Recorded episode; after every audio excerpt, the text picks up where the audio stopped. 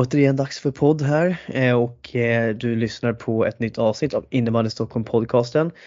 Podddrycken är öppnad och vi är redo att eh, prata och låta munnarna jobba precis som vi brukar göra när vi som är tränare och ledare. Och eh, idag kör vi lite specialavsnitt då vi har eminent besök med oss. Men innan vi introducerar denna högprofilerade gäst så tänker vi att vi ska presentera dagens laguppställning. Och eh, jag tänker att vi börjar med eh, våran kära damkorrespondent Alexander Ströby. Hallå Ströby och eh, ja, hur har din vecka varit? Förutom, du, du, får inte nämna någonting om fredag bara. Nej det är lugnt. Tjena Henke! Tja. Det är bra. Eh, det har varit eh, hektisk vecka, mycket att stå i. Men ehm, ja, man fick ihop lite träningar, man fick ihop någon match där i veckan också, lite i helgen. Eh, fick åka till Core Arena igen. Eh, köpa en kaffe för 20 spänn, men då ingår ju påtår. Så det, var väl... det, var, det, det var inte 55 spänn då? Nej, jag betalade dock 40 för en kanelbulle, men det var nybakt. Så det, det var faktiskt värt det i slutet av dagen. Ja, den kan man fan köpa. En, en nygjord kanelbulle, det, det kan man fan pröjsa för nästan. Det, det är fint det. Ja, inga problem. Ja, och sen så har vi såklart eh, vår kära Erik Laine med oss i sedvanlig ordning. Och eh, ja Laine, hur, eh, hur har din vecka varit? Jo men den har varit bra tror jag. Eh, nu har jag precis lyckats bli lite förkyld och troligtvis bli smittad av grabben men eh, annars är det väl stabilt. Kikat lite, ja coachat lite och kollat lite innebandy-tv och kikat lite Älvsjö där och Nykvarn kollade där igår och ja, blivit lite innebandy sådär. Så det har ja. varit en okej okay vecka ändå tycker jag faktiskt. Ja, men det låter som att du har haft, eh, ni båda haft det gott för er. Eh, innan vi presenterar vår gäst så tänkte jag på att, eh, att ni ska få berätta lite sen om era reflektioner från helgen som var. Men jag tänkte jag kan ju själv börja och eh, eh jag Förutom mitt egna lag som spelade två matcher den här helgen. Det var länge sedan man hade två matcher samma vecka men ja. Ehm, så tog jag mig faktiskt till Ströbys favorithall Fleminghallen och eh, såg eh, ja, toppmötet mellan Huddinge och Hammarby. Och eh, eh, ganska eh, rolig match faktiskt ändå får jag säga. Bra tempo, mycket dueller och grinigt var det som fasiken. Och fan Huddinge de är, de är fysiskt starka och jobbiga att möta så det ska de ha. Eh, men ganska ineffektiva eh, ska jag ändå säga. Hammarby när jag ser Hammarby så är det fortfarande så att jag förstår faktiskt inte hur de ligger så högt upp i serien. Men antagligen för att det här kollektivet är ruskigt bra som de har. Men tittar man på spelare individuellt här och där så tycker jag inte att det är liksom, jag tycker jag Huddinge till exempel är mycket, mycket bättre men rent kollektivt så är Hammarby ruggigt starka. Eh, men Huddinge vinner ju då med 5-4 till slut vid en svängig match och eh, ja, det, det, de bjuds på tre utan mål av Hammarby egentligen och eh, det är väl egentligen Hammarby som har de heta målchanserna och man ska säga att eh, jag tror att deras keeper Maja Gård tror jag hon heter gör ju en riktigt, riktigt bra match och samma sak med Elin Aronsson och Huddinge. Så det var en riktigt rolig toppmatch måste jag faktiskt säga och att titta på. Eh, det som annars sticker ut det är ju Djurgårdens eh, sjuka upphämtning mot IVF Falun Utveckling. Den upphämtningen gör faktiskt att de ändå är med i racet nu, ändå får hålla sig kvar igen. Det trodde man inte efter förlusten mot Hudik där. Men eh, Hannes Kjellbergs fyra mål, otroligt imponerande.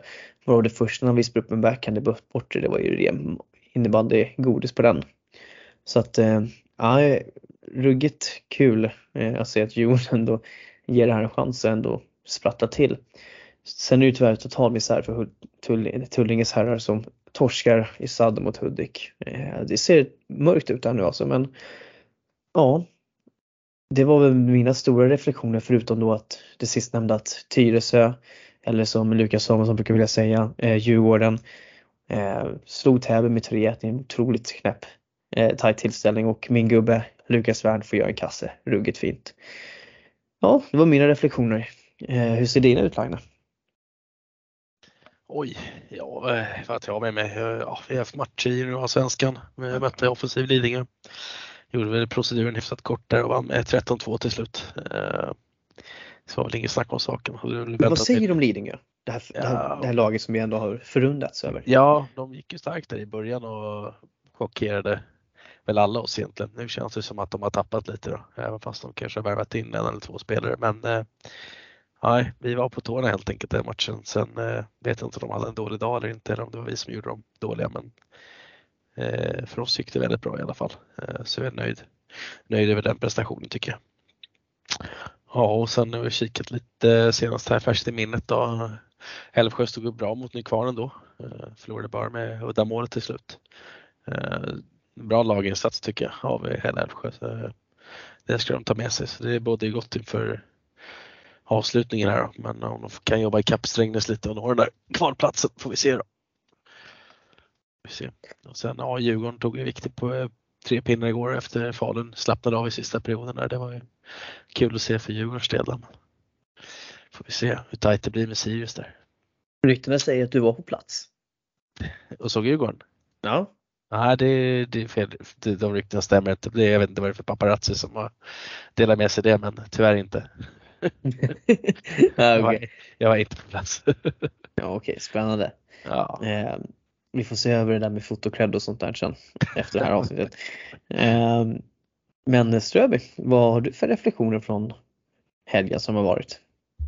Nej, men jag tog mig som sagt ut i K-Rauta och körde en eh, härlig division 3 match med damerna. Eh, ungefär den rapporten jag sitter på. Det var, det var en tight match. Eh, Täby har ju, eh, ja man ska säga, de är bra i alla led egentligen. De, är, de var ett ungt division 3-lag som eh, är riktigt starka i, i powerplay ska vi säga. De gjorde alla sina mål förutom ett i powerplay-spel.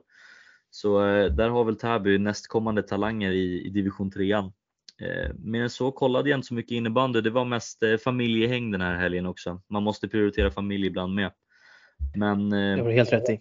Ja, men, men jag kollade lite på, um, på den eminenta matchen som vi, som vi talade om lite innan. Eh, Hammarby-Hibs där tittade lite, pratade även med, eh, med coacherna som var på plats och kollade. Och det var ju en, eh, de, från, eh, från Huddinges sida så var det ju en väldigt skön vinst i alla fall och coacherna i båset fick ju fick ju jobba absolut. Det var ju väldigt aktivt coachande. Eh, Hammarby ställde upp med en jättebra fight och eh, som du säger där Maja i Hammarbys mål var ju eh, jävligt, eller jäkligt duktig ska vi säga ska vi akta språket här. Eh, men jag också såg att eh, Agnes Mokvist har gått över till eh, Hammarby. Henke, har vi någonting på den övergången eller? Nej, inte så mycket egentligen men stäng av micken. jag hör mig själv nämligen. Ja, i alla fall. Eh, nej men vi, den, det var väl en värvning som smög lite under radarn om man säger som så.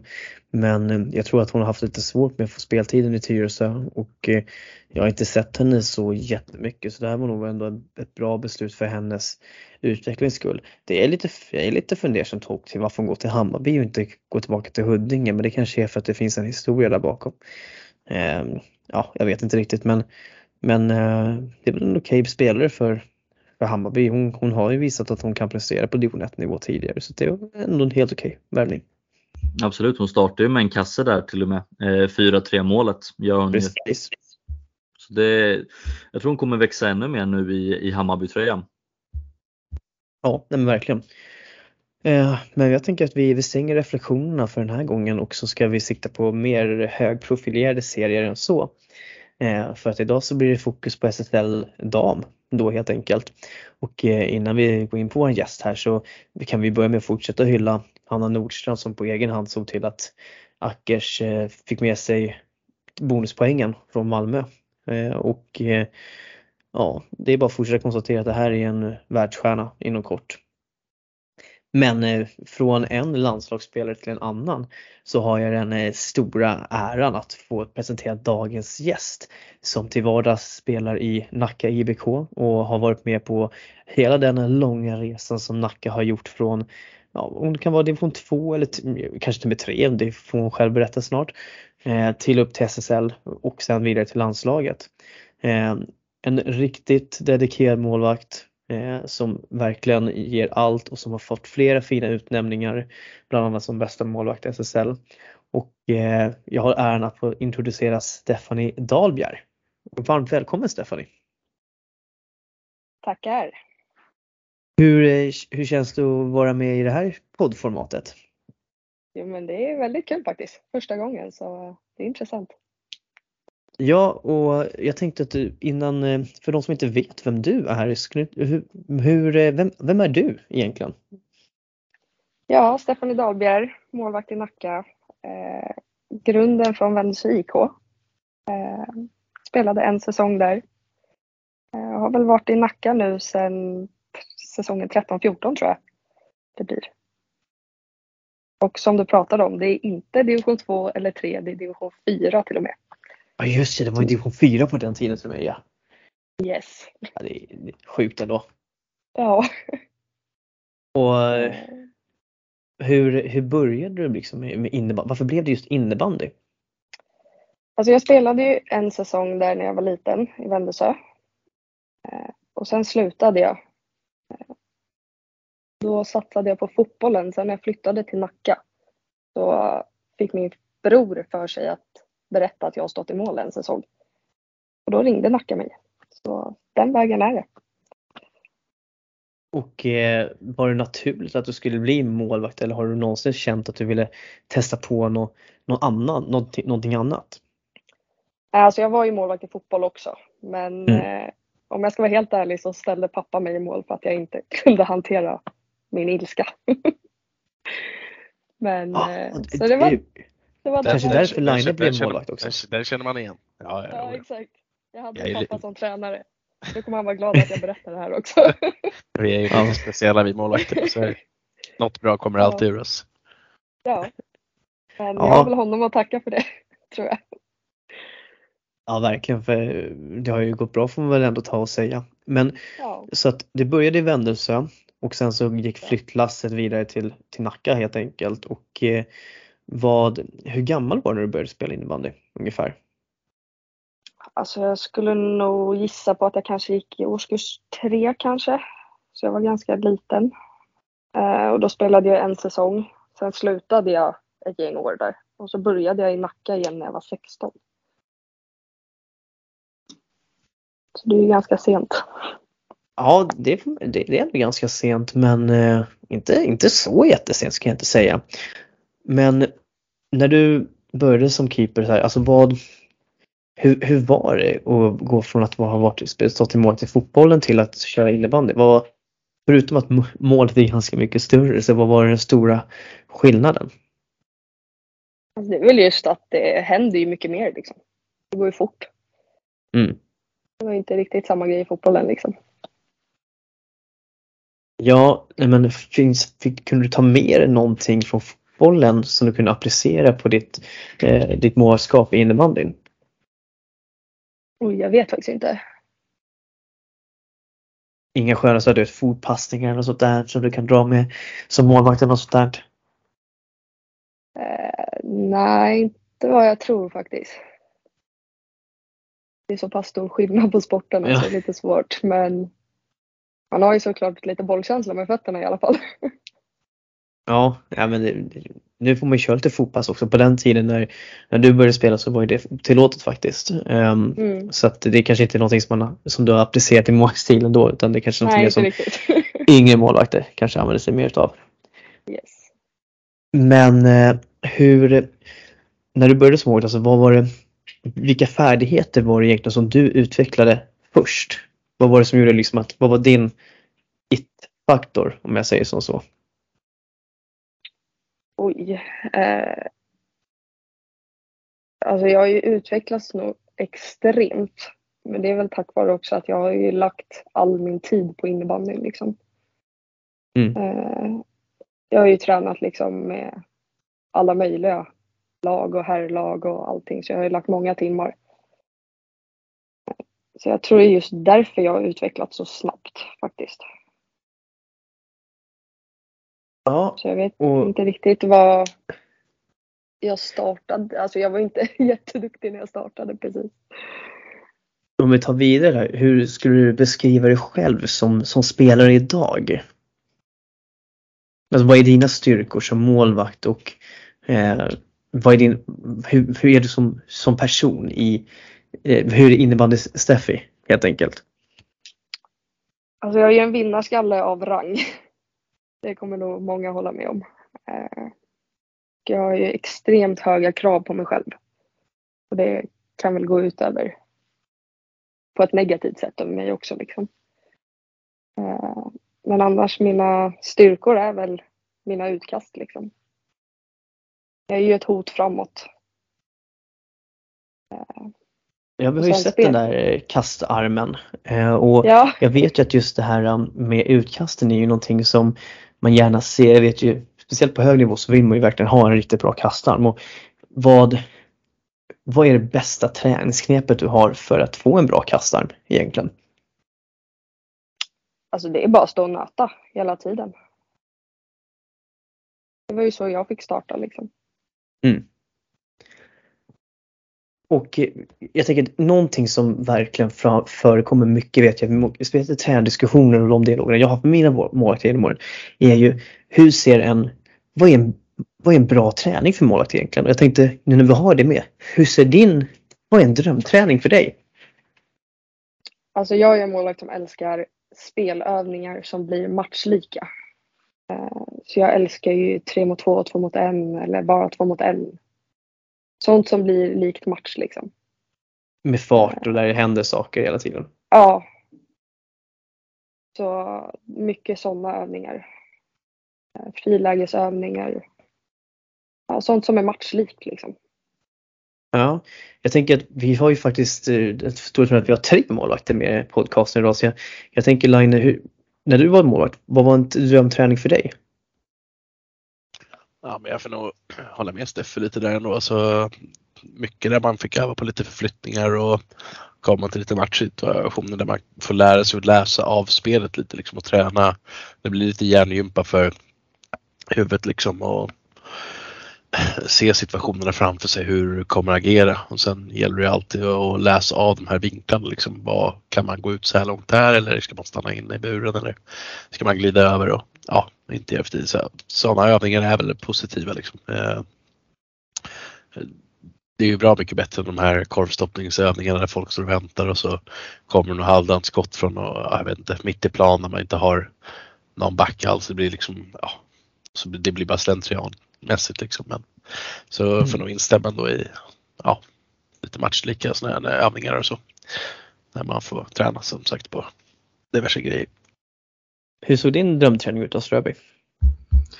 Eh, jag skulle väl säga att jag aldrig riktigt upplevt någon drömträning i det lag man har varit i utan det har ju varit när man tagit sig till någon enskild målvaktsträning med någon ehm, ja, utomstående tränare som kommer till föreningen och sätter ihop en träning med alla målvakter som man har i föreningen. Eh, de har varit absolut bäst och givandes för mig för där kommer ju någon som faktiskt är ett proffs på det och då blir det ju mycket det här positionsspelet. Vad ska du tänka på när du står i de här lägena, när de här skotten kommer? Eh, så brukar de ofta hyra in lite spelare som får köra lite små grejer på en och då blir det lätt det här hur ska du tänka när du är ensam mot eh, ett mot ett eller två mot en liksom.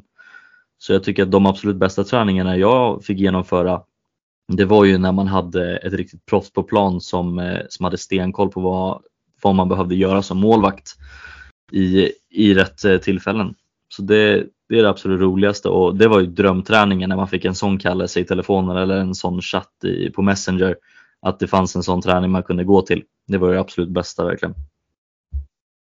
Ja, eh, Steffe, har du haft mycket, många pass där du haft med liksom individuell målvaktsträning eller har det varit mycket fokus på träning med laget?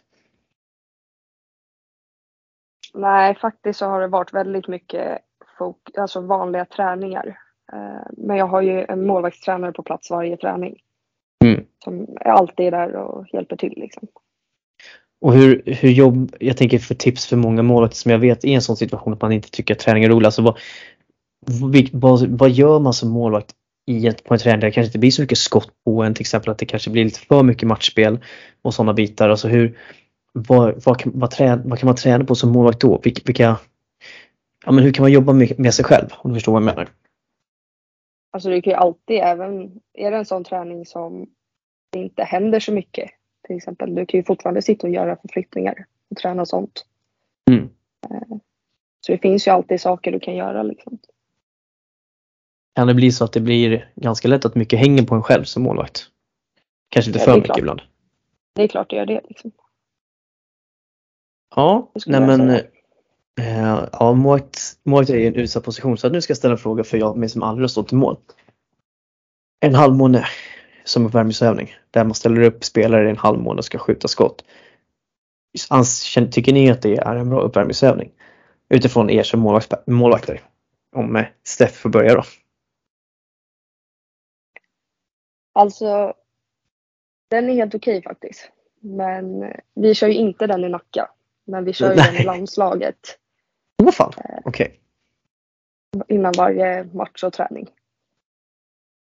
Okej. Okay. Så jag vet inte. Jag ogillar den inte, men det är inte min favorit heller. Så. Ja, spännande.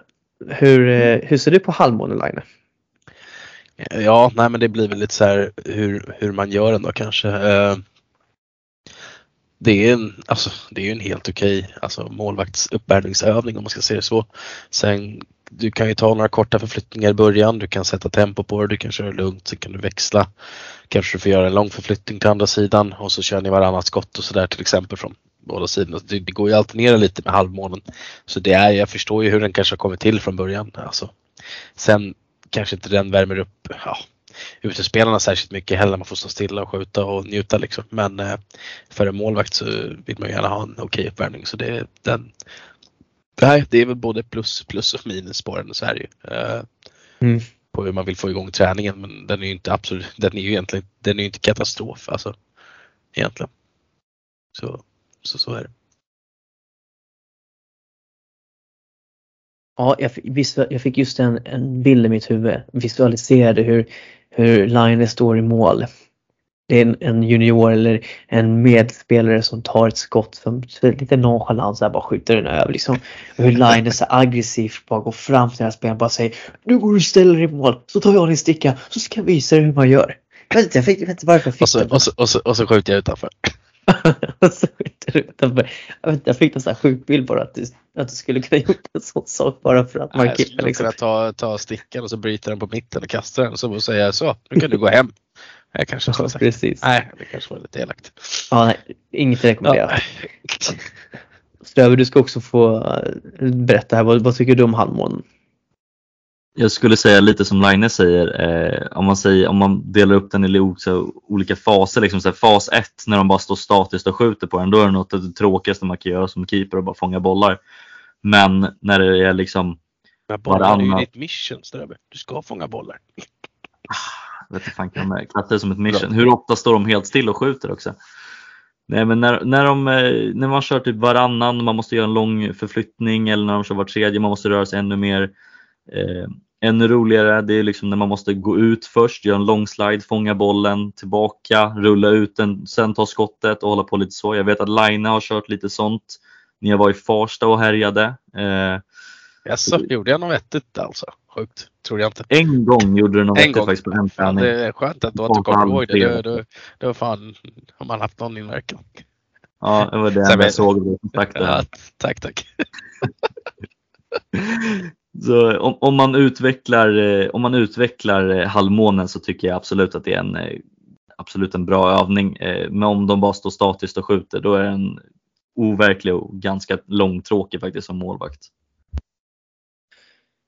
Ja, eh, tack för det snesurret. Eh, vi joggar vidare lite och jag tänker, jag lyssnade på en annan en podcast om, inom hockeyn då, då där man intervjuade en NHL-målvakt och då pratade man mycket om just om de här mentala bitarna, hur viktiga de är.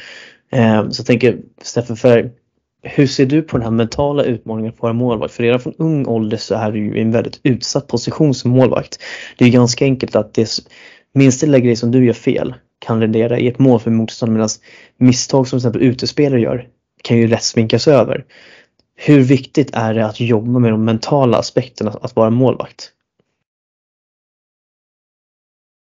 Ja, alltså det är ju såklart jättejobbigt liksom, den mentala delen. Jag kämpar ju med det fortfarande, varje träning och match. Eh, med väldigt mycket hjälp av min målvaktstränare. Eh, men det är som du säger lite, vi är väldigt utsatta. Gör vi ett misstag så kommer alla ihåg det. Medan gör en utespelare misstag så glömmer folk bort det. Liksom. Skulle man kunna säga att vara målvakt är eh, high risk, great reward? Alltså det, man har mycket att vinna som målvakt men man har också ganska mycket att förlora utifrån ett sådant perspektiv. Ja, det är det verkligen. Och, alltså, vad har du för metoder? Du behöver ju såklart inte säga allt men om du kan ge någonting, alltså vad har du för metoder som du jobbar med för att stärka ditt, den, din mentala bit helt enkelt? Eller för att liksom, om det går tungt emot, hur återaktiverar du dig själv till exempel? Alltså det svåraste för mig har alltid varit när jag släpper in mål att inte försöka tänka under tiden då hur jag skulle ha gjort annorlunda. Mm. Utan det ska jag reflektera efter match. Mm. Det, det, är förbannat svårt. Det vet jag ja. också. Det är, det är inte lätt. Så min grej just nu är liksom gå, ta vatten, så in i mål och droppa det. Mm. Och jag tror att du är inne på någonting här. För spontant så tror jag att, och det här gäller nog egentligen allting med idrott, att fundera inte för mycket på de misstagen som man gör utan det tar man i eftersked utan in och försöka nollställa och göra nästa byte bra eller i det här fallet som målet se till att ta nästa boll bara, nästa räddning och så bygger man så successivt. Och det är såklart lättare sagt än gjort men det känns som att det är någonstans den här omkopplingen som är så viktig för att släpper du in ett mål som målvakt som vi sa, då är man utsatt. Just för att alla ser det och där gäller det att vara stark. Liksom inse att okej okay, men jag, jag släpper det här, jag jobbar vidare med det sen. Och så kanske man märker till exempel, men det här är inte ens, vad skulle jag kunna gjort annorlunda på det målet till exempel också. Det finns för sådana situationer också tänker jag.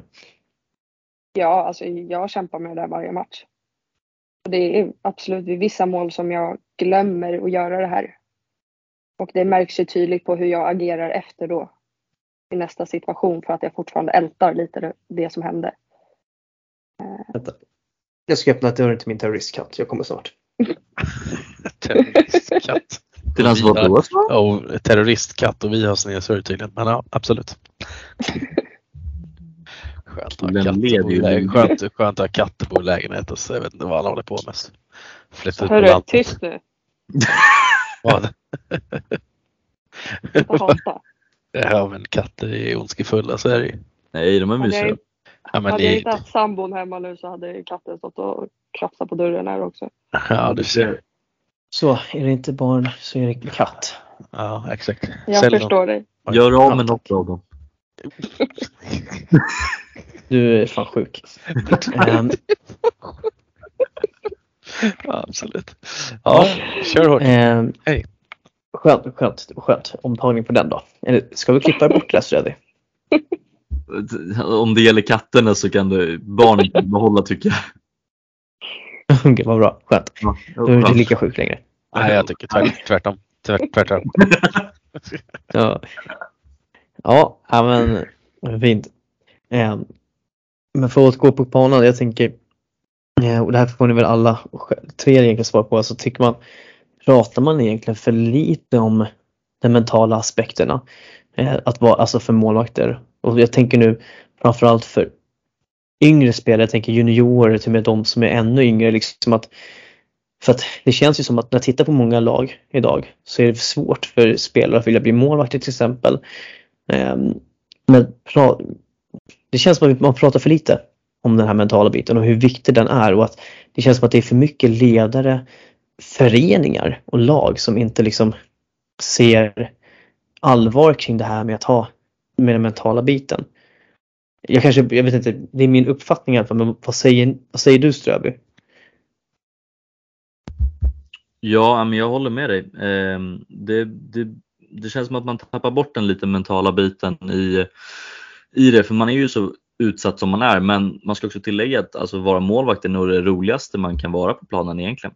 Alltså, gör någonting bra då kommer alla minnas det för alltid. Så är det ju också. Eh, sen tvärtom självklart. Men eh, tror det är otroligt viktigt att prata om den mentala biten för att alltså, utveckla det och vilja vara keeper.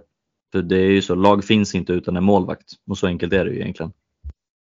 Men Steffe, jag tänker så här, eh, tycker du att det är mer att man pratar mer om de här mentala bitarna idag än vad man gjorde förut? Eller är det fortfarande det att man kanske att det är lite för lite att man pratar om det. Nu spelar du på elitnivå så jag förstår att du har en dialog tydligt med din målvaktstränare om det här, de här bitarna säkert.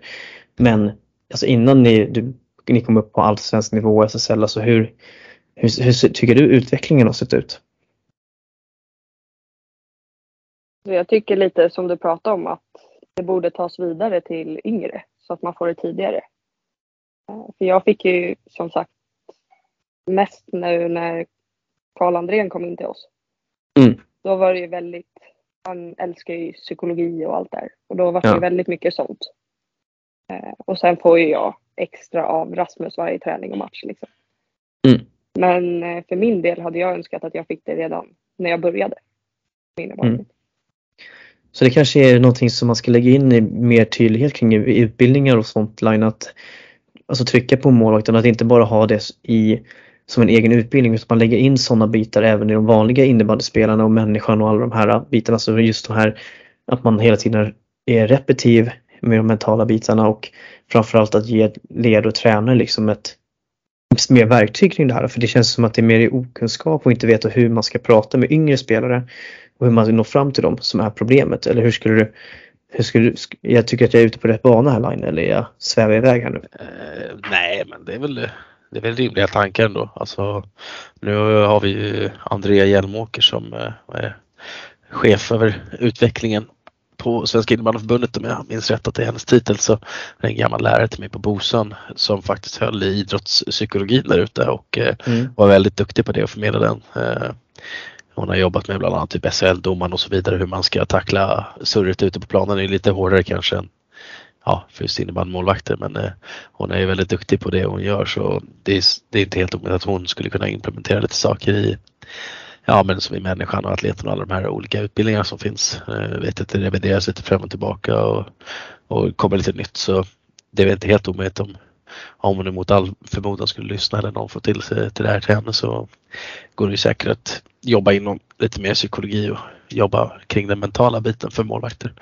Och börja Mm. redan i yngre, yngre ålder så att man förbereder sig kanske och stålsätter sig lite så att inte folk trillar av kanske. Sen kommer du kunna ta du ska ändå, du beror på när man börjar, men du ska ju genomgå en pubertet och det är gud vet vad och allt möjligt som händer i hjärnan. Det är jättemycket hormoner som spelar in och du kan ju ändra ditt Ja. beteende ganska mycket längs vägen. Men eh, ja, till slut så sitter väl den mentala biten till slut. Så är det. Men sen kommer det alltid vara tufft. Och, som Steffe säger, att släppa in mål.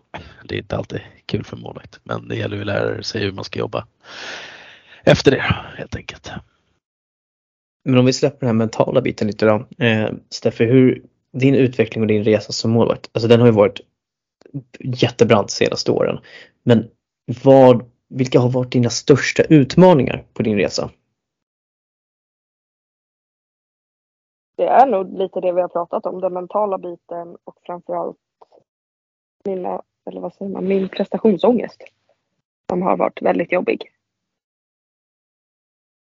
Och hur, hur, hur den här prestationsångesten, alltså hur, hur känner du att den är idag? Är det fortfarande något som ligger där liksom, eller känner du att det har blivit lättare att hantera den i och med de ändå framgångarna som du har haft får man väl ändå säga.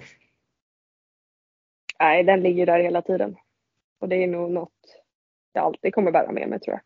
Att jag har så höga krav på mig själv. Skulle du säga att det också är en, alltså det både och, att det både är en fördel och nackdel, att det också är någonting som har gjort att du har kunnat ta dig dit du är idag? Det tror jag absolut att det är. Sen Ja, har jag men- några, några tränare som jag kan tacka för att jag är där jag är idag. Ja, har du några du vill nämna? Eh, Figge är ju självklart en av dem. Han har ju Mm. varit med hela vägen. Eh, som även, han hjälper ju mig fortfarande även fast han inte är kvar. Ja, Kalle har ju hjälpt mig väldigt mycket sedan han kom in. ja det är fint. Äras de som äras bör, som man säger. Absolut. Men eh, jag tänker att vi lämnar det därhän och så pratar vi lite Nacka här och eh, eh, det har ju varit en otroligt rolig resa kan jag tänka mig. Att med Nacka att kunna få vara i en och samma förening så länge och alltså att verkligen ta dem hela vägen upp till toppen. Alltså hur, eh, om du får summera den här tiden i Nacka ändå liksom, alltså hur, eh, hur är det? Vilka har varit dina toppar i Nacka? Om vi säger som så. Dina toppminnen? Uh, ja, framförallt så är det väl största minnet när vi gick upp till SSL. Den säsongen i Allsvenskan är ett stort minne. Var det inte så att ni slog Storvreta precis i slutet av ena matchen som tog er vidare och sen så körde ni bara över Falun av farten i kvalet om jag inte missminner mig. Var det inte något sånt? Ja, vi vann ju mot Storvreta på hemmaplan. Mm. Uh, och sen då är det ju så att matchen fortsätter i andra matchen. Liksom. Mm, precis. Och då låg vi under, jag tror vi förlorade den med 7-6 alltså, så att det vart lika till slut. Liksom. Mm. Eh, och sen vann vi. Vi avgjorde med två sekunder kvar och sen avgjorde vi förlängningen. Just det, så var det. För ni kvitterade mm. matchen i slutet och sen avgjorde ni för, i förlängningen. Ja, två sekunder kvar. Mm, jag kommer ihåg, det var ett var riktig uppståndelse kring den där matchen. ja, det var lite kaos i den där matchen. Men eh, ja, det är ett minne. fint minne ändå. Mm. Och eh, hur, om vi pratar lite, alltså, hur, hur ser du på Nackas SSL-resa? Ni klev upp, eh, gjorde ändå en helt okej okay debutsäsong. Ni höll ju er kvar, mer kan man inte förvänta sig. Eh, sen har ni jobbat, förra året blev det slutspel. Om jag missminner mig, var det förra året det var slutspel? Ja. Och eh, eh, vi behöver inte gå in på året än för det kommer vi till men hur ser du på de senaste säsongernas resa med SSL för Nacka?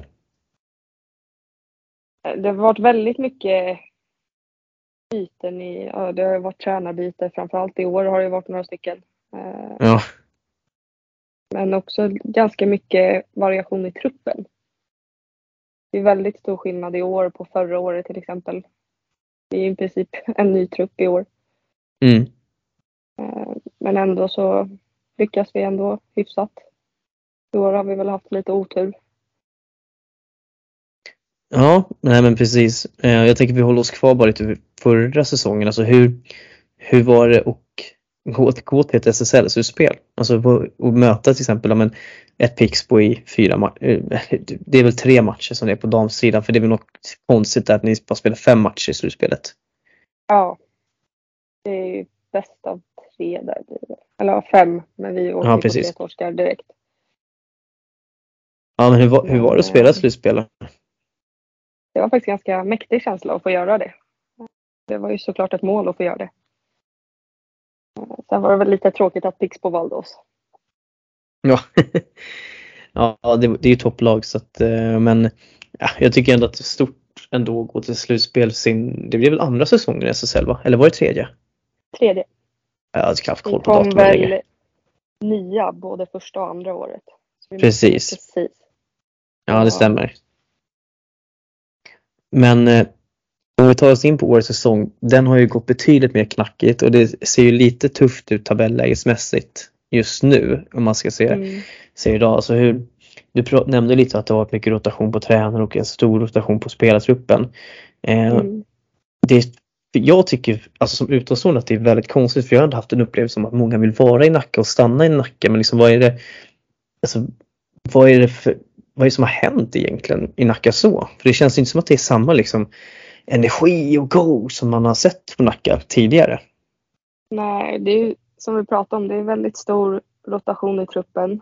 Eh, och några som slutade så var det ju någon, eh, Sita åkte ju till Italien och pluggade. Mm.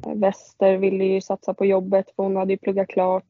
Saga hade mm. pluggat mm. klart så hon satsade vidare. Mm.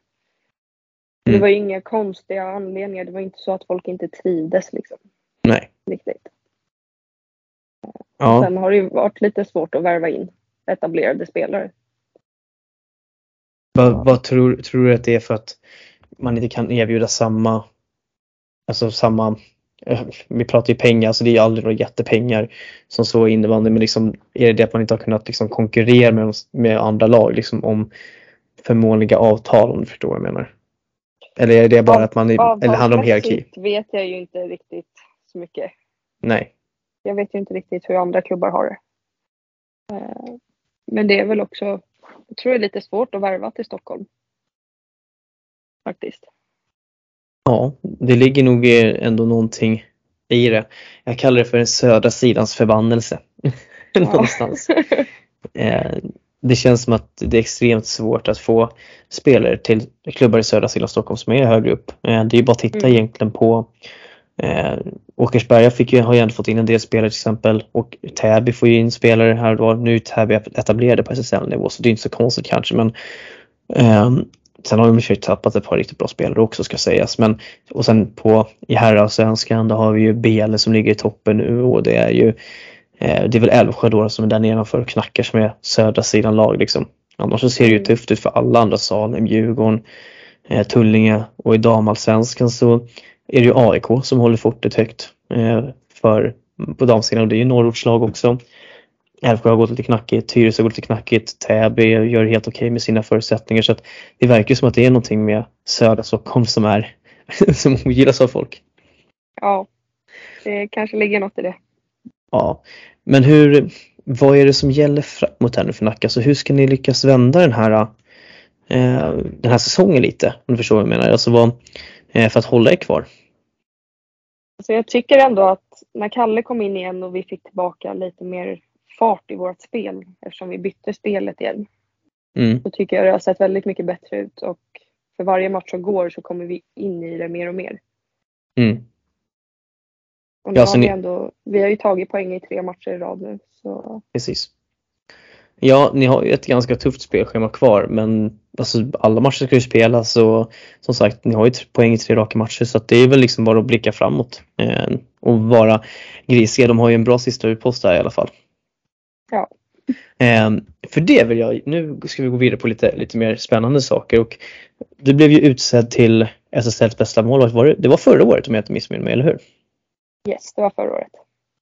Hur, hur, det måste ju ha varit helt fantastiskt. Alltså, du stod ju för en mäktig säsong och du har gjort det fler år i rad i ett Nacka som ändå har legat utanför slutspel som förra året tog sig dit. Men det har ju varit en stor anledning till att Nacka har ändå hållit sig kvar i SSL. Alltså hur, hur, hur var det att ta emot den här utmärkelsen? Ja, alltså jag kommer ihåg när han ringde mig. Han ringde mig en fredag morgon eh, och berättade det här och jag var ju typ i chock. Det var ju inget jag verkligen förväntade mig. Men det var väldigt stort att få och, det priset. Och alltså skulle har det på något vis, vi pratade ju prestationsångest, din prestationsångest här och allt sånt tidigare. Var det här liksom någonstans ett, ett tecken för dig att, alltså att du, du har levererat, du, är, du har ett namn för dig nu liksom att nu, alltså att du ändå känner att du har ändå uppnått någonting? Jo men det var det såklart. Eh, och det var väl efter det som jag var kallad till mitt första läger med landslaget också. Mm. Och du gjorde en bra segway här, alltså hur, hur var det? För, alltså första, första lägret där med landslaget och nu har du ändå haft ett par kallelser dit. Mm. Eh, första lägret kände jag ändå att jag borde ha blivit, eller nu blev jag ju det, men blivit uttagen dit. Mm. Eh, så det var ju väldigt kul att faktiskt få bli det. Eh, men jag var inte så nöjd med det lägret så jag förväntade mig inte riktigt att jag skulle bli uttagen till nästa. Nej. Men det blev jag ju ändå. Och det har jag varit nöjd. Ja, hur, men hur har dialogen gått med, med kotten och den ledarstaben? Alltså vad är det de säger, ser hos dig och hur beskriver de dig och vad tycker de att du skulle behöva jobba lite mer? Det, det, behöver, det behöver du inte outa såklart men eh, du får ju jättegärna berätta om du vill. Eh, det har väl varit mycket med att höja snacket lite mer. Eh, och eh, det jag tyckte var lite konstigt är att de vill att jag ska till exempel slänga mig lite mer och sådana grejer. För det har ju mm. varit det jag har gjort minst i min spelstil. Mm.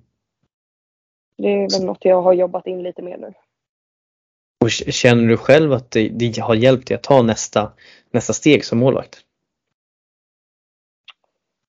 Alltså min grej var ju liksom att här, slänga sig var ju sista utvägen Mm. förut.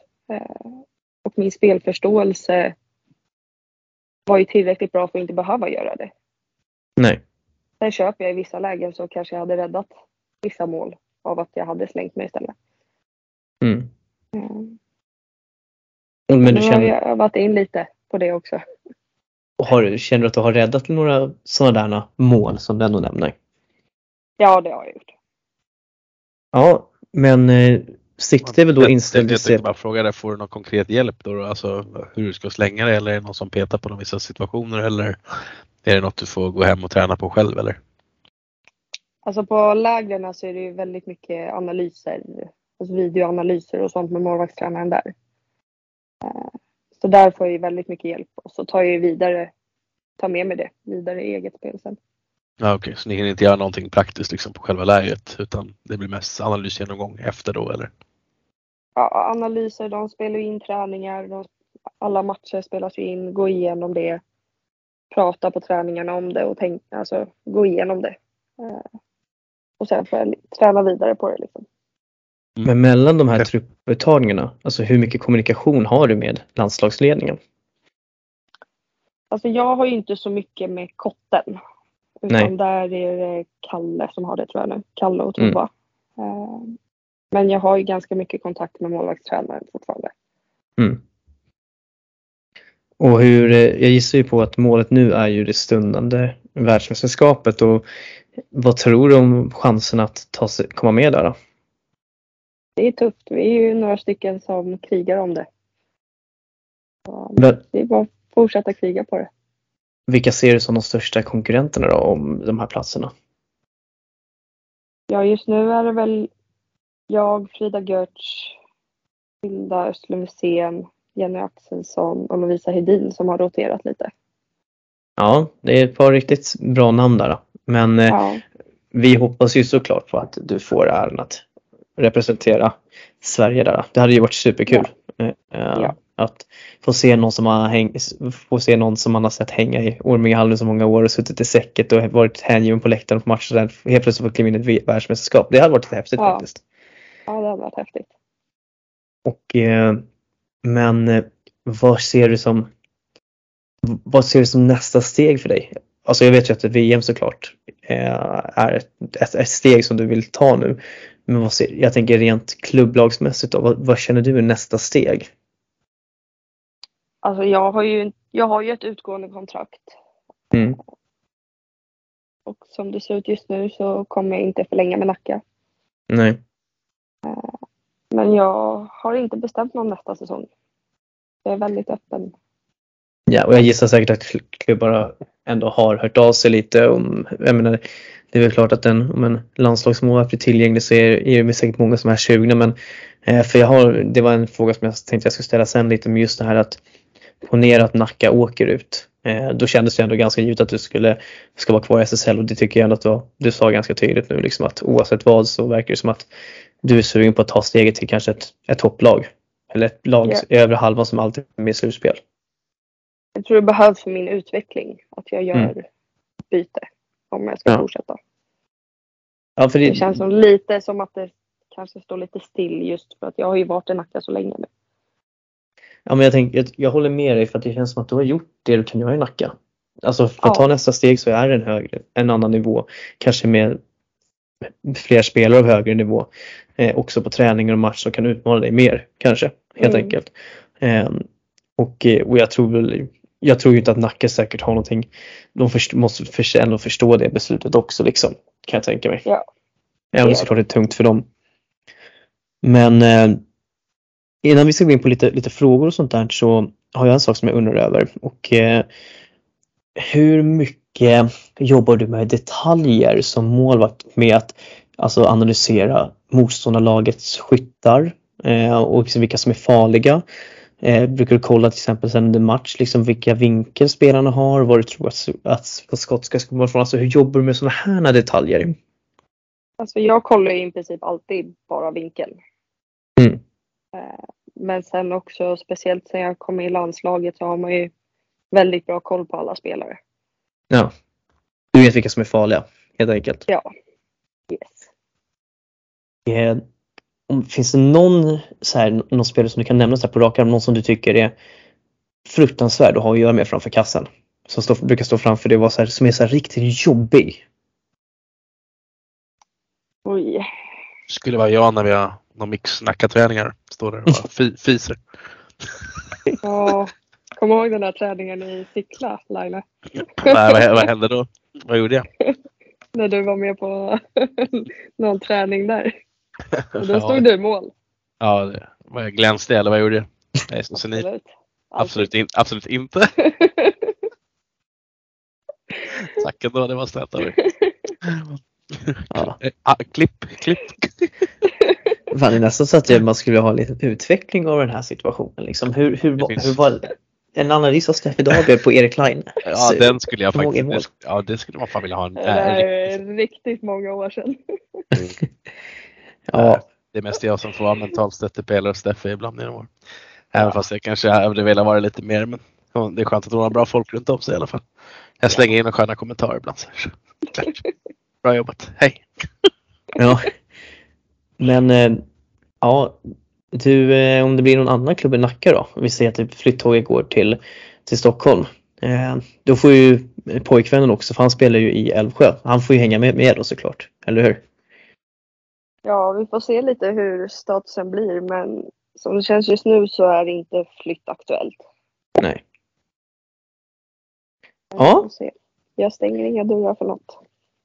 Det är, jag tycker det låter som en bra idé att vara ganska öppensinnig med alternativen. Ja. Ehm, Om den här frågan om vem som är jobbig framför mål så vi kan ta ett seriöst svar på den. ja, jo, just ja, det, bra Line. Ja, förlåt. Ja, jag känner jag är bra på att förstöra så glömmer vi att reparera. Så. Ja, Stefan, du får chanser, chanser att säga vem det är som är jobbigast framför mål och varför. Du får välja vem du vill. Alltså en som jag har varit lite bråkig med framför mål är ju, nu vet jag inte vad hon heter i förnamn, men Hane i Karlstad. Ska vi kolla? Hane, vad, ja, vad fasken är det hon heter i förnamn? Det måste vi kolla upp bara för det. Eh, Maja Hane. Ja, så kan det vara. Ja. Så hon spelar i Karlstad. Född 2001. Varför, varför är hon så jäkla jobbig? Hon kör lite fula grejer framför mål.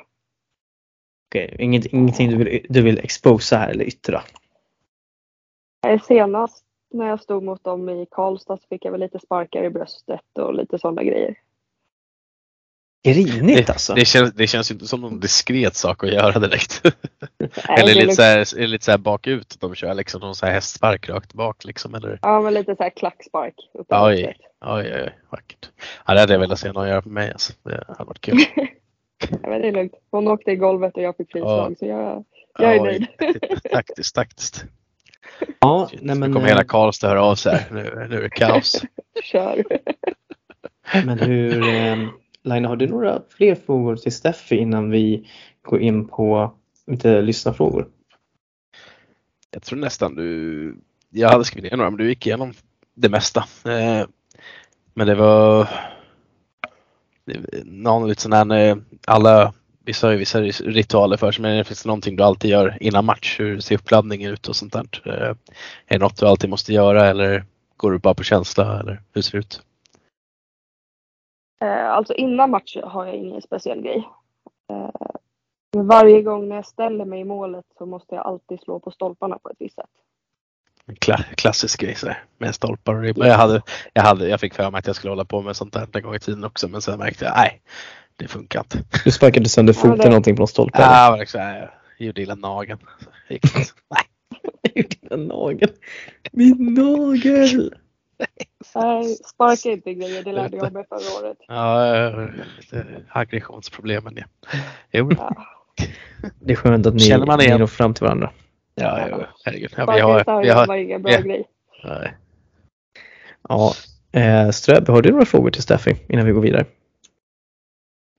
Ja, lite en, lite det Line är inne på också. Är du vidskeplig? Alltså måste det finnas någon typ av sätta på vänster sko före, höger handske ska på. Eh, jag vet ju själv, det var ju knäskydd och skor och handskar alltid vänster först och sen eh, fick högersidan kliva på. Det var väldigt jobbigt att sätta på sig utrustningen men det var tvunget, det var ritual, så enkelt det var bara. Och det där är så sjuka grejer, alltså att folk som håller på med sånt där. Det Jag måste vara så jobbigt. det. Jag tar alltid höger sko och höger knäskydd först.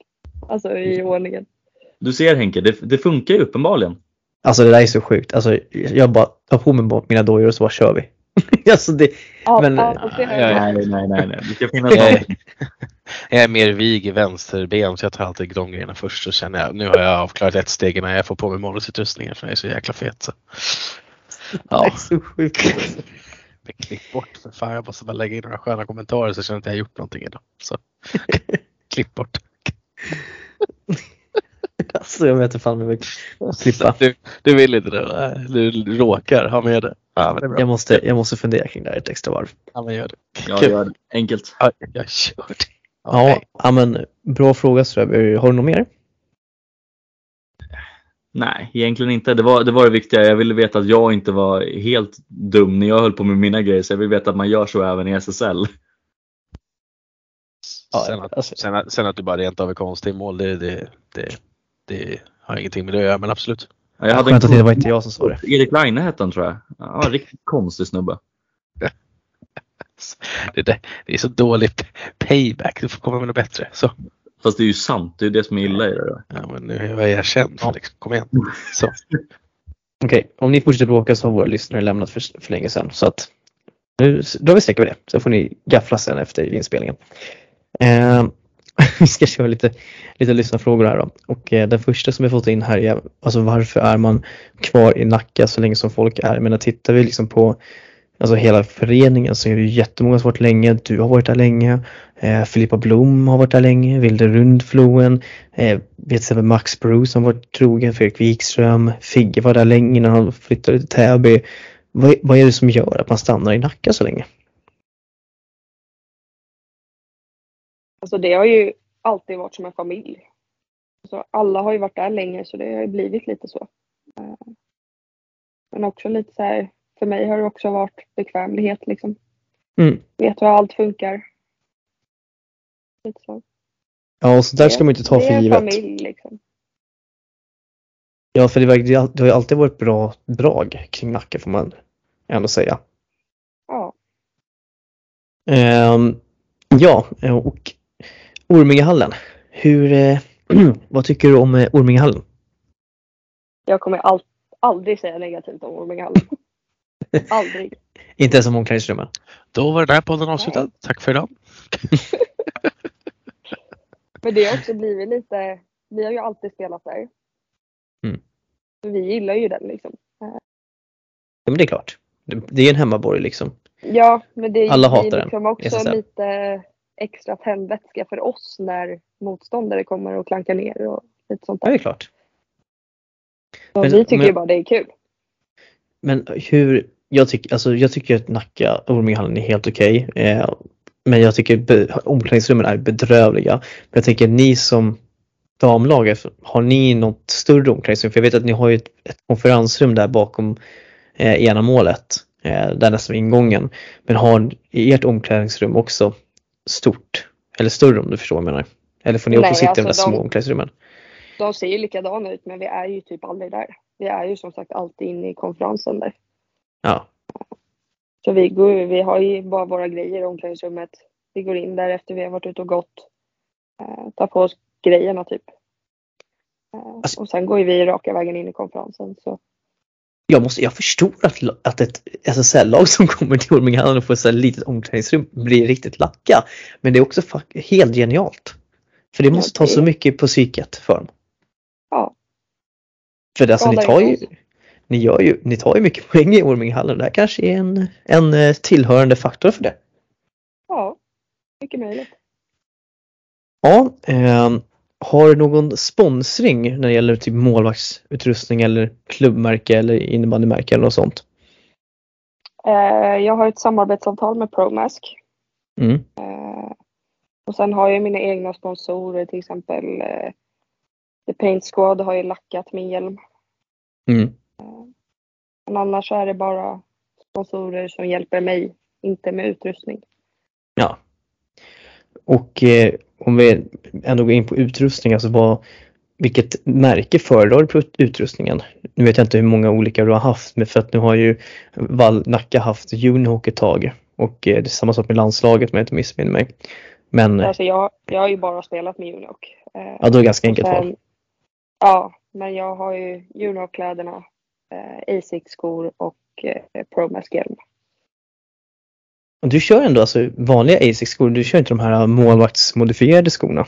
Det finns några Asics-varianter tror jag. Asics har ju en modell som är för målvakt. Och det är den du kör med då eller? Ja, det är de jag kör med. Det hade varit jäkligt sjukt om man hade kört med några andra. står det vanliga tejpa, tejpa sig coach-tejp och bara, jävla snyggt alltså. Ja, men man, man kommer ihåg så här klassiska när man har glidit runt på typ H4, H3, H5 och så ser man någon skön målglida in och silvertejpade skor. Spelare, någon sig där. Vet du, det är riktigt. Nej, i och för sig, jag har haft det någon gång i tiden också. Det är ju väldigt stor skillnad på Asics målvaktsskor jämfört med Unihawks till exempel. Vad, skulle, vad då för skillnad? Om vi ska gå in på så tekniska saker igen. Alltså de, Unihawk har ju ganska mycket skydd och de är ganska, jag tycker att de är stora och klumpiga. Mm. Medan Asics är ju, alltså det är som en strumpa typ. Ja, lite okay. typ box, boxningsskor typ. Liksom, ja, lite det är väl lite mm. omgjord boxningsskor. Ja, för mig. Jag minns, minns hur de ser ut. Jag har alltid tyckt att de är snygga alltså, men får se om man testar på det någon gång. Nu är inte min karriär så blomstrande längre men ja, ibland står man i mål. ja, här har vi en fråga också. Alltså, du nämnde ju utkastet som sagt tidigare men finns, så frågan var egentligen vilken är din största styrka som målvakt? Och det har du varit inne på. Du har ju nämnt ditt utkast men finns det någon annan förmåga som du har som du tycker är riktigt bra? Jag tror du nämnde positionsspelet där också, spelsinnet. Okej, okay, det var inte så mycket kvar kanske men eller är det någonting som du känner att du inte har berättat eh, om styrkorna? Nej, det är väl framförallt att jag är ganska aktiv som målvakt. Eh, jag gillar ju att kliva ut på skyttar och sånt där.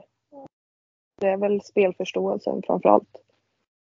Men sen vet jag ju vad alla andra motståndare tycker om mina utkast. Så det är väl min största styrka. Ja, det är också jättebra för då kommer vi till nästa fråga. När du ska dra ett utkast, försöker du alltid mm. sikta på att dra utkastet mitten av planen eller försöker du ibland att dra utkasten ut mot sargerna till exempel? För att få dem inåt. Hur jobbar eller är det alltid genom mitten? Ja, Om du ska kasta långt då? Olika. Om jag ska kasta ett långt så kastar jag ju på en yta till en spelare som springer in i. Då rör du den liksom på, på ytan så det är inte alltid att det kom, går genom mitten helt enkelt. Nej, så ofta så kastar jag inte ens till spelaren. Utan jag, jag har ju som sagt spelat några år med de flesta. Vi har ju ganska bra synk i hur vi ska göra liksom. Ja. Det är häftigt att se det där för det är inte allt för många lag som kan nyttja ett sånt vapen ändå. Det är kul när det funkar alltså. Det är häftigt att se. Alltså det är ett jättebra Faktiskt. vapen. Alltså ja. det, är, det är väldigt underanvänt. Får man det säga. Så är det. Borde man införa en regel där för att testa att kasta in bollen i andra målet? Nej, det kommer aldrig kunna gå över hela plan. Eller skulle du klara det Steffi? Filregler. Ja, skulle, skulle du klara av det? Lite kortare, lite kortare plan. det lär ju inte gå med en keeper i målet, men det hade varit, varit ja, kul om, om, de, har, om de, har plockat, plockat exakt. Ja. ja, och att vi faktiskt får göra det. Ja, det hade varit fint ändå. Det hade varit Nej. Hade, du, får du, välja. du hade kandiderat på att kunna eh, göra det i alla fall tror jag. Absolut. Vilken är den tuffaste spelaren som du har mött? Och jag vet inte, alltså tuffaste då kan det vara liksom om man, du kan se det som den bästa spelaren liksom, eller den som är klurigast. Eller alltså vad, vilken är, är den, ja, men vilken är den bästa spelaren som du upplever som du har mött som du har haft svårt för och som du är, så, är, som är väldigt skicklig? Som har ställt mycket frågor till dig och ditt målvaktsskap. Alltså, jag skulle nog säga, nu hann jag ju bara möta henne, vad är det, en eller två säsonger. Eh, och det är Joanna Wik. Mm. Hon var väldigt svår. Vi vet, vi vet att hon hänger mycket med Figge nu. Har hon varit ner någonting på någon Nacka-träning liksom och dragit några sköna lasermackor? Nej. Okej, det var ju tråkigt. Ja. ja. Mycket paddel där. Jag spelar paddel mot Jag förlorade ganska hårt kan jag säga. Det var inte roligt. Men jag fick spela med Tobbe Ljungholm. Men jag kan ju säga att det inte var han spelat vid torska i alla fall. Det, det är en mm. sak som är säker. Annars skulle jag nog säga Vilma de Gysser Skott. Ja, det är, Där, där har vi svårt. ja, det, är, det, är, det är en hyfsat bra bössa som hon sitter på. Det får man lugnt säga. Sen en annan klassisk fråga då. Om du, om du blev satt på en öde ö, vilka två eh, spelare skulle du välja att dela den misären med? Oj, vilken svår fråga. Uh, gud. Eller spelare, personer kan vi väl säga då. Ta med Karl där som kan sitta och säga allting blir bra Steffi, allting blir bra. Ja, verkligen. Sitta med sina filosofer han har här. Ja, exakt. Nej, men sambon blir väl sur om jag inte väljer honom. Frågan är om han blir sur eller om han blir nöjd över att han inte att han står på på en öde. Jag vet inte fan. Men okej. Jag vet inte om han skulle stå ut med mig på en öde. Ja, spännande. Vi får, vi får återkomma i frågan hur han resonerar. Den är svår. Ehm, Annars är väl, jag umgås ju väldigt mycket med Ronja Gustafsson just nu. mm. Fint. Det är, det är skönt att du tar med de här riktigt älskvärda personerna till den här ön så att det ska bli bra för dig. hur? Exakt. det du tänker helt rätt här. Då. Ja. Ja, sen så har vi nästa här. Då. Eh, hur, hur viktigt är det att få rörelse och göra saker mellan långa uppehåll i matcher? Ja, Det är väldigt viktigt. Jag är en sån målvakt som älskar när det händer mycket. Alltså sådana Mm. matcher där jag får mycket skott och allting. Så det är väldigt viktigt skulle jag säga. Brukar du typ ställa dig upp och typ hoppa då eller vad, så, vad är det för något du gör när det blir de här längre perioderna när du inte har så mycket att göra? Alltså jag står ju väldigt mycket upp. Mm. Så varje läge jag får så ställer jag mig upp och går ut lite och rör på mig liksom.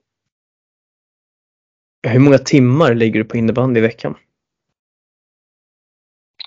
Bara träningsmässigt så är det ju tre träningar i veckan. Hur lång är en, och hur lång är en träning ungefär? Själva träningen är ju en och en halv timme. Mm. Och sen har vi mellan en halvtimme till en timme samling innan. Okej. Och sen är det ju matcher på det också. Ja, spännande. Vi fick en fråga här också, hur ser framtiden ut? Men den tycker jag den har du svarat på ganska väl i tidigare Ja. i, i avsnittet. Ehm, samma sak fick vi fråga här om hur du känner kring ditt lag. Och ehm, ja, eh, den har du också svarat på. Men här har vi. Vilket, om du inte får välja Nacka, vilket lag är det, håller du på? Typ är du, är du Djurgården eller AIK eller Hammarby eller är det någonting annat lag som du har nära hjärtat?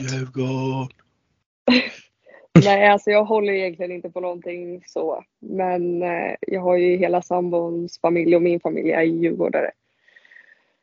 Det är en bra familj hör jag. Det blir ju en del Djurgårdsmatcher. Ja. Ja, det är bra. Det är bra familj hör jag. Ja. Ehm, vi, ska få, vi borde få med en, en aik i podden för vi har, det är lite för mycket starka Djurgårdsinfluenser här emellanåt tycker jag tycka. Det är Ehm, bra. De flesta poddarna och sådana här journalister och gud vet vad, alla ska vara gnagare eller sånt där. Det är, det är perfekt vet du. att Det är lite Djur- Djurgårdsandan ibland någonstans. ja, nej, men precis. Ehm, hur, hur ser du på de andra Stockholmslagen i SSL? Alltså Täby tycker jag ändå har på väg uppåt igen. Eh, Efter en svacka förra året. Mm. Åkersberga kommer jag aldrig säga något positivt om. Okej, spännande. Oh. Vad, vad föreligger det? nej, det är ett lag man verkligen inte gillar.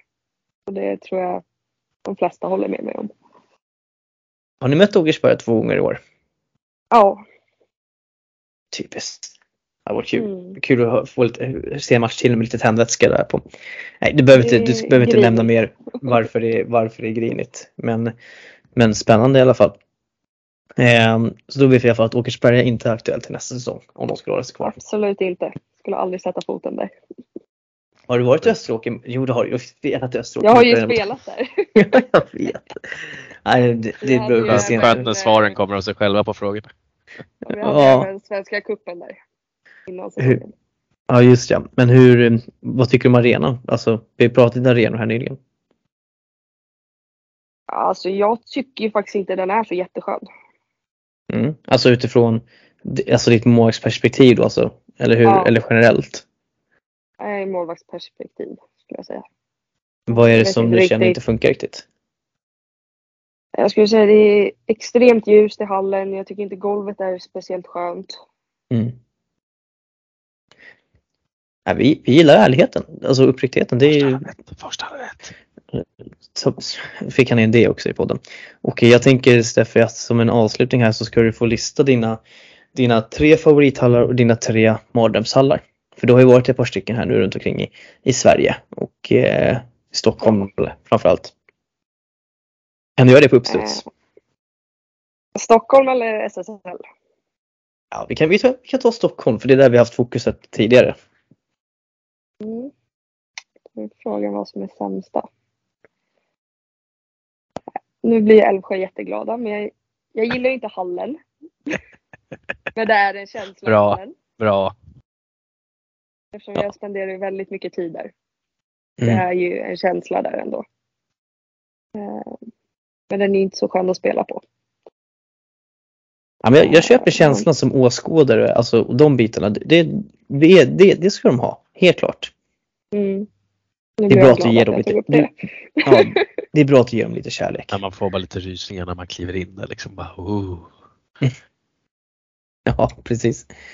Ja, men det- jag tycker ändå att du var diplomatisk. Som eh, åskådare, okej. Som spelare eh, så kanske jag skulle komma med på en sån lista. Men du har fortfarande tre hallar du ska lägga här som är sämre, helt enkelt. Ja, då får jag nog faktiskt ta tyvärr linen med Farstahallen. Ni Vad måste i ju ta bort parketten. helsike är det som händer? Nu Är det. Det här, det här trodde jag vi, nej vi har pratat inte innan podden. Det var Jag är så glad. hade diskuterat fram det här. Alltså Ta det, bort parketten. nej men det Ja, är ju bästa helt som rätt. finns. Herregud. Är man du vara en bra Det keeper på park? därför Alltså snälla. Gavella det som håller. Sjukt att du har kommit till landslaget och hatar parketten så jag vet inte fan vad som har hänt. Men ja, måste se över det där. Det är bara därför den hamnar där. För den har parkett. Nej, men det är för att du har fått chansen att liksom träna där. Alltså, det är... Att de hade mött mig där också så hade jag bara, ja då jävlar fått bra träning. Ja, Men eh, med andra ord så tänker vi att vi får göra en panel framöver helt enkelt. Där vi har Farstahallen mot rubbet. ja, Ja. jag tar den panelen ensam varje dag i veckan. Inga problem. Ja, men eh, det var ändå ett rimligt val Steffi. Tor, Torvalla också. Heja heja. Ja, har du någon? Det är ju lite norrut men eh, Rosersbergs hall var ju inte så rolig att vara i. Nej, orangea Den hamnar golvet. lite mer, ja. Ja, spännande. Ehm, inte ett val som, som jag tänkt på tidigare. Jag vet ju hur hallen är och ser ut. Jag har varit där. Men, Mm. men eh, ja. Vilken är din tredje hall? Var- Mm. Blev det inte väst, var Västertorp med som dålig? Nej men, hon, nej, men hon lyfte den som, eh, som mindre bra som spelare men okej som åskådare. Så Ja, det blev en 50-50 alltså. ja, det var Annars fint. skulle jag nog kanske säga Hässelby i så fall. Äh, smaka på den Johnny Persson och Lukas Samuelsson. Smask! Ja. Ja, Jag var, eh, var ju där och spelade EM för inte så länge sedan och den är inte rolig att spela i. Den är inte skön alls. Ja, Ja, jag tror till och med jag har spelat någon match där också. Jag håller med. Det är inte kul känsla där heller. Nej. ja, men det är bra. Det behövs lite, lite, lite, liksom, lite hat på de här hallarna som vi ändå hyllat kanske lite emellanåt. Eh, Mm. Eller vad säger du Line? Ja, ja, att vi ska hylla Farsahallen ja. ja men bra. Ja men det kan vi göra. Inga problem. Sen så avrundar vi snyggt då Steff, så får du säga dina, dina tre bästa hallar eller favorithallar. Förutom Ormingehallen. Där kom det. eh, Täbys hall är ju faktiskt väldigt skön. Gå rauta. Eh, Värmdös hall är ganska skön att spela i. Vad mer kan vi ta? Tyresöhallen kanske? Eller är den tråkig eller? Den är faktiskt, för när vi har spelat där så har det fortfarande existerat handbollsklister på golvet. Ah, Så den, har såklart, varit så, ja. Just den det. har inte Nej. varit så skön de gångerna. Nej, det är kul lite klister. Känner att man fastnar mitt i en förflyttning. Och bara Mm. magplask. Smask! Hade det inte varit klister så hade den legat där. Men eh, nu har det varit klister när vi har varit där och spelat. Det är för dåligt. Ja. Gud. Jag vet inte med den tredje faktiskt.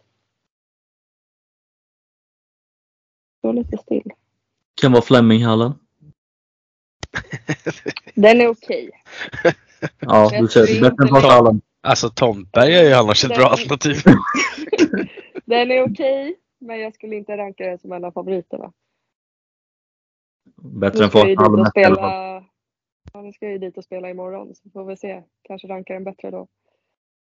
Ja, just det, för ni möter Huddinge i DM va? I bästa stan. Ja, Precis. Ja. Kul. exakt. Hade man ju velat se. Alltså. Line, det går tåg. Det är bara att sticka. Vad sa du? Det är bara att ta Tåget. Ja, får vi göra det till det. Ta med lilla. Ja. Ja, men eh, Steffe, jag, tycker, jag känner att du vill vara diplomatisk. Jag, låt, jag är också diplomatisk och låter dig ha med Ormingehallen på din topp tre i alla fall. Och den är ju topp ett. Alla dagar Ja. i veckan. Det, vi, vi har det öppet för diskussion. Men eh, det, är- ja, men det är kul att ha lite perspektiv nu märks det att podden börjar gå in i över en, långt över en timmes inspelning här. Då blir det alltid Ja. bra service. Nej, men vi ska, vi ska runda av här nu. Eh, och eh, jag tänkte att jag ska skicka med en, en litet frågetecken och en liten, liten sågning. Jag var i Fleminghallen här i, helgen, här i lördags och eh, först och främst blir jag extremt besviken på att Alexander Ström inte svarar på mig när jag ringer och frågar om han ska komma och kolla på matchen. Eh, och, inte ens, Familj. Och inte, ringde inte ens tillbaka. Herregud. Inte ens ett sms. Ursäkter. Men... Men, Visst, vi skulle prata idag så det var lugnt tänkte jag. men ehm, alltså de här jäkla träläktarna. Alltså det, det går inte att sitta på dem alltså. Det, är- det är ju träsmak i rumpan varenda gång. Bygg ordentliga läktare. Och sen nästa sågning i samband med det här. Huddinge Väst har alltså 50 spänn i inträde. Det går dåligt för Huddinge, Huddinge IBS eller? Vissa, alla klubbar har ju så här fritt inträde så det är lite spännande. Sen är det så här. Du måste få in pengar. Ja, typ, typ laststolar till läktaren. Ja, precis. Det går väl lite rykten om att det inte går så bra där. Ja, Mm. det är, Ströby tar lite för mycket lön kan man säga. Maxar Huddinge konto. Nu har ju då podden spårat ur så jag ber om ursäkt till alla våra lyssnare såklart. Men eh, ja, det finns väl lite rykten om att det är lite motigt i, i Huddinge. Eh, men Ja. jag vill inte säga för mycket utan Absolut inte i Nacka heller. Nej eh, då.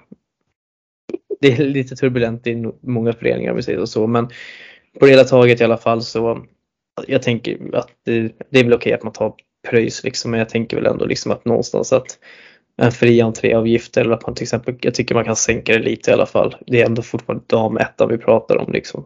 Som så. Ehm, men men Hade de, hade de något hemmabakt då? Alltså fanns det någon fik? alltså det fanns ju ett fik där men, men, men det var så här klass, man drog upp ett bord liksom så står det med Ja, lite ja. så här bara uppfällbart bord och så står det lite grejer där liksom, lite Den lappar och sånt sköna, där. in, sköna innebandymorsor säger tjena tjena, nybakat. Ja men det, spelare. Men Oj. det ska, jag måste Bra dock jobbat, faktiskt säga att det var fan bra drag på matchen. Så det får bli hyllningen för matchen. Det var bra drag på läktarna. Eh, ändå. Eh, mycket, snabb, mycket fint in- innebandyfolk var det faktiskt. Och, eh, det blir lite drag emellanåt, måste jag ändå säga. Fl- Fleminghallen håller ju på att bygga ett fik var det sista jag hörde i alla fall. Det finns ju tyvärr inget befintligt fik. Alla Nej, har men- som Farstahallen 1 och ha simhallens kafeteria till, eh, till Mm. tillgång, eller hur Ja, det, det är inte jättehett men ja. Ni två slutar bråka nu så ska Vad kom jag in i det här förhållandet? det, det är liksom det är Huddinge kommunproblemet. Vi tar det kan vi ta en annan gång. Men nu så här, vi ska runda av det här nu så att våra lyssnare inte orkar lyssna på oss längre. Eh, till att börja med Steffi, stort tack för att du tog dig tid att vara med. Det var jättekul att ha med dig. Eh, jättemycket intressanta saker och eh, hoppas att du själv tyckte att det var, var lite roligt i alla fall. Ja men det var det absolut. Och eh, vi får önska dig ett stort lycka till resterande del av säsongen helt enkelt. Och eh, vi håller såklart alla våra tummar och tår för att du får åka med till VM sen i år också. Tack så mycket. Ja, Ströby, har du någonting som du vill säga till våra lyssnare innan vi avslutar här? Kul att ni är tillbaka och lyssnar på oss ännu en gång. Eh, jag och Line, vi snackar lite efteråt. Men eh, jag vill tacka våra underbara lyssnare för den här eh, tiden och eh, ha en underbar vecka på er. Och Line, har du någonting som du vill säga till våra lyssnare? Eh, oj. Nej. Nej. Ska chocka eller på att säga nej. Jo men det är ju, nej men det är ju det är bara att fortsätta lyssna och kul att eh, Stephanie var med. Det har ju känt henne i ganska många år nu faktiskt. Det är väldigt kul att ha fått följa hennes resa och att hon eh, kom kommer att vara med här faktiskt som första damgästen tror jag det blev. Så det, det är väldigt roligt faktiskt. Så det är jag glad över. Och höra lite om hennes tankar och, och så vidare. Även fast vi har pratat en del också eh, innan men det är alltid kul att höra. Så det, det har varit riktigt, riktigt gött surr idag. Så vi, jag ser fram emot nästa vecka. Får hoppas jag kan vara med då också. Ja, nej men eh, jag håller med. Stort tack till alla som har orkat lyssna. Det var ju lite, tyvärr så blev det blev lite eh, snesur här kanske på slutet men eh, det, ska, det ska höra till liksom när det är på ideell basis så här. Eh, men eh, med det sagt så har du, någon, har, ni, har du någon gäst som du skulle vilja höra mer utav så hör, dra ett meddelande till oss så ska vi se om vi kan lösa det. Eh, men med det sagt så får ni ha en fortsatt eh, dag, natt, kväll, morgon, förmiddag, you name it, när ni lyssnar på det här. Så hej då!